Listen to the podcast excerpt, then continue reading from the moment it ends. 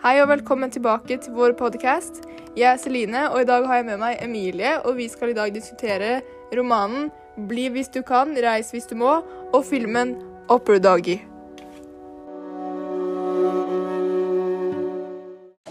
Vi kan begynne med å snakke litt om eh, hovedkarakterene. I filmen møter vi fire hovedkarakterer. Vi møter Aksel, som er sossegutt og veldig høy på seg selv. Polske Maria. Eh, omsorgsfulle Janne, som sliter litt etter en litt traumatiserende barndom.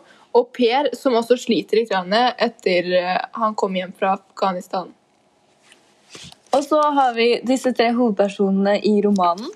Tarjei, som er en veldig omsorgsfull person, men også veldig skoleflink.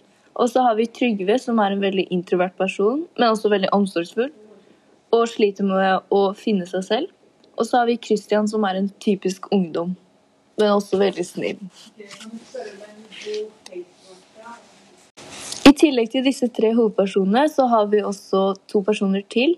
Karin og Jon Olav, som er familie og venner av disse hovedpersonene. Og de sliter mye med traumer etter denne hendelsen hvor disse tre guttene døde under tjeneste i Afghanistan. Og det er også noe vi kan se i filmen, ettersom at karakterene her også sliter litt etter at de har opplevd enkelte hendelser. Eh, men forskjellen er jo at i filmen så er det hovedkarakterene som sliter, mens i boka så er det karakterene rundt hovedkarakterene som sliter. Og så Per, en karakter i filmen, han har veldig lik liksom, fortid da, med de i boka. At det er liksom, Han har vært på tjeneste i Afghanistan, og så vender han hjem etter liksom, en ulykke, da, eller liksom, et traume som har skjedd. Men det er jo han som blir påvirka da, som Celine sa. Når det kommer til miljøene i boka og filmen, kan vi si at det er en stor likhet, ettersom at begge deler eh, foregår i bygda, byen og Afghanistan. Vi kan også se da at bygda og byen er en kontrast av hverandre, eh, i tillegg til at vest- og østkantdelen av Oslo er en kontrast av hverandre. Og eh, fordi byen er veldig stort i forhold til bygda, og så når de mista disse tre guttene, da, når de døde, så var det som om en del av bygda ble borte, liksom. Fordi at alle kjenner hverandre, og alle vet hvem de er i forhold til byen, da, hvor det er mange flere mennesker.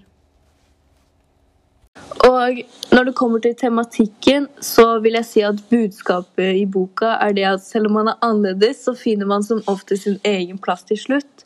Noe som vi også kan se mye på Trygve eh, i siste kapittelet. At han sliter veldig med å finne seg selv, og han liksom er usikker. Han tør ikke å fortelle at han er homofil til de andre og sånn. Det var veldig bra sagt, Emilie. Veldig dypt. Og jeg vil si at det er akkurat det samme i filmen, ettersom at de der også sliter litt med å finne sin egen plass. Og vi har nå funnet ut at tematikken i boka og filmen er litt, altså budskapet. Og noe vi også snakket om tidligere, som var miljøet. Eh, De er også veldig likt. Og noe vi kan se, er at begge to sliter litt med sånn forventningsfullt miljø. Noe som kan oppstå til litt problemer noen ganger, ettersom at man da ikke tør å skille seg ut. Forskjeller mellom boka og filmen er at i filmen så ender det med at de finner seg selv, mens i boka så mister de seg selv. Eh, og det kan være et symbol på hvor skjørt livet er. Tusen takk for at du hørte på denne podkasten. Tusen takk. Velkommen tilbake neste gang når vi skal diskutere et nytt tema. Ha det!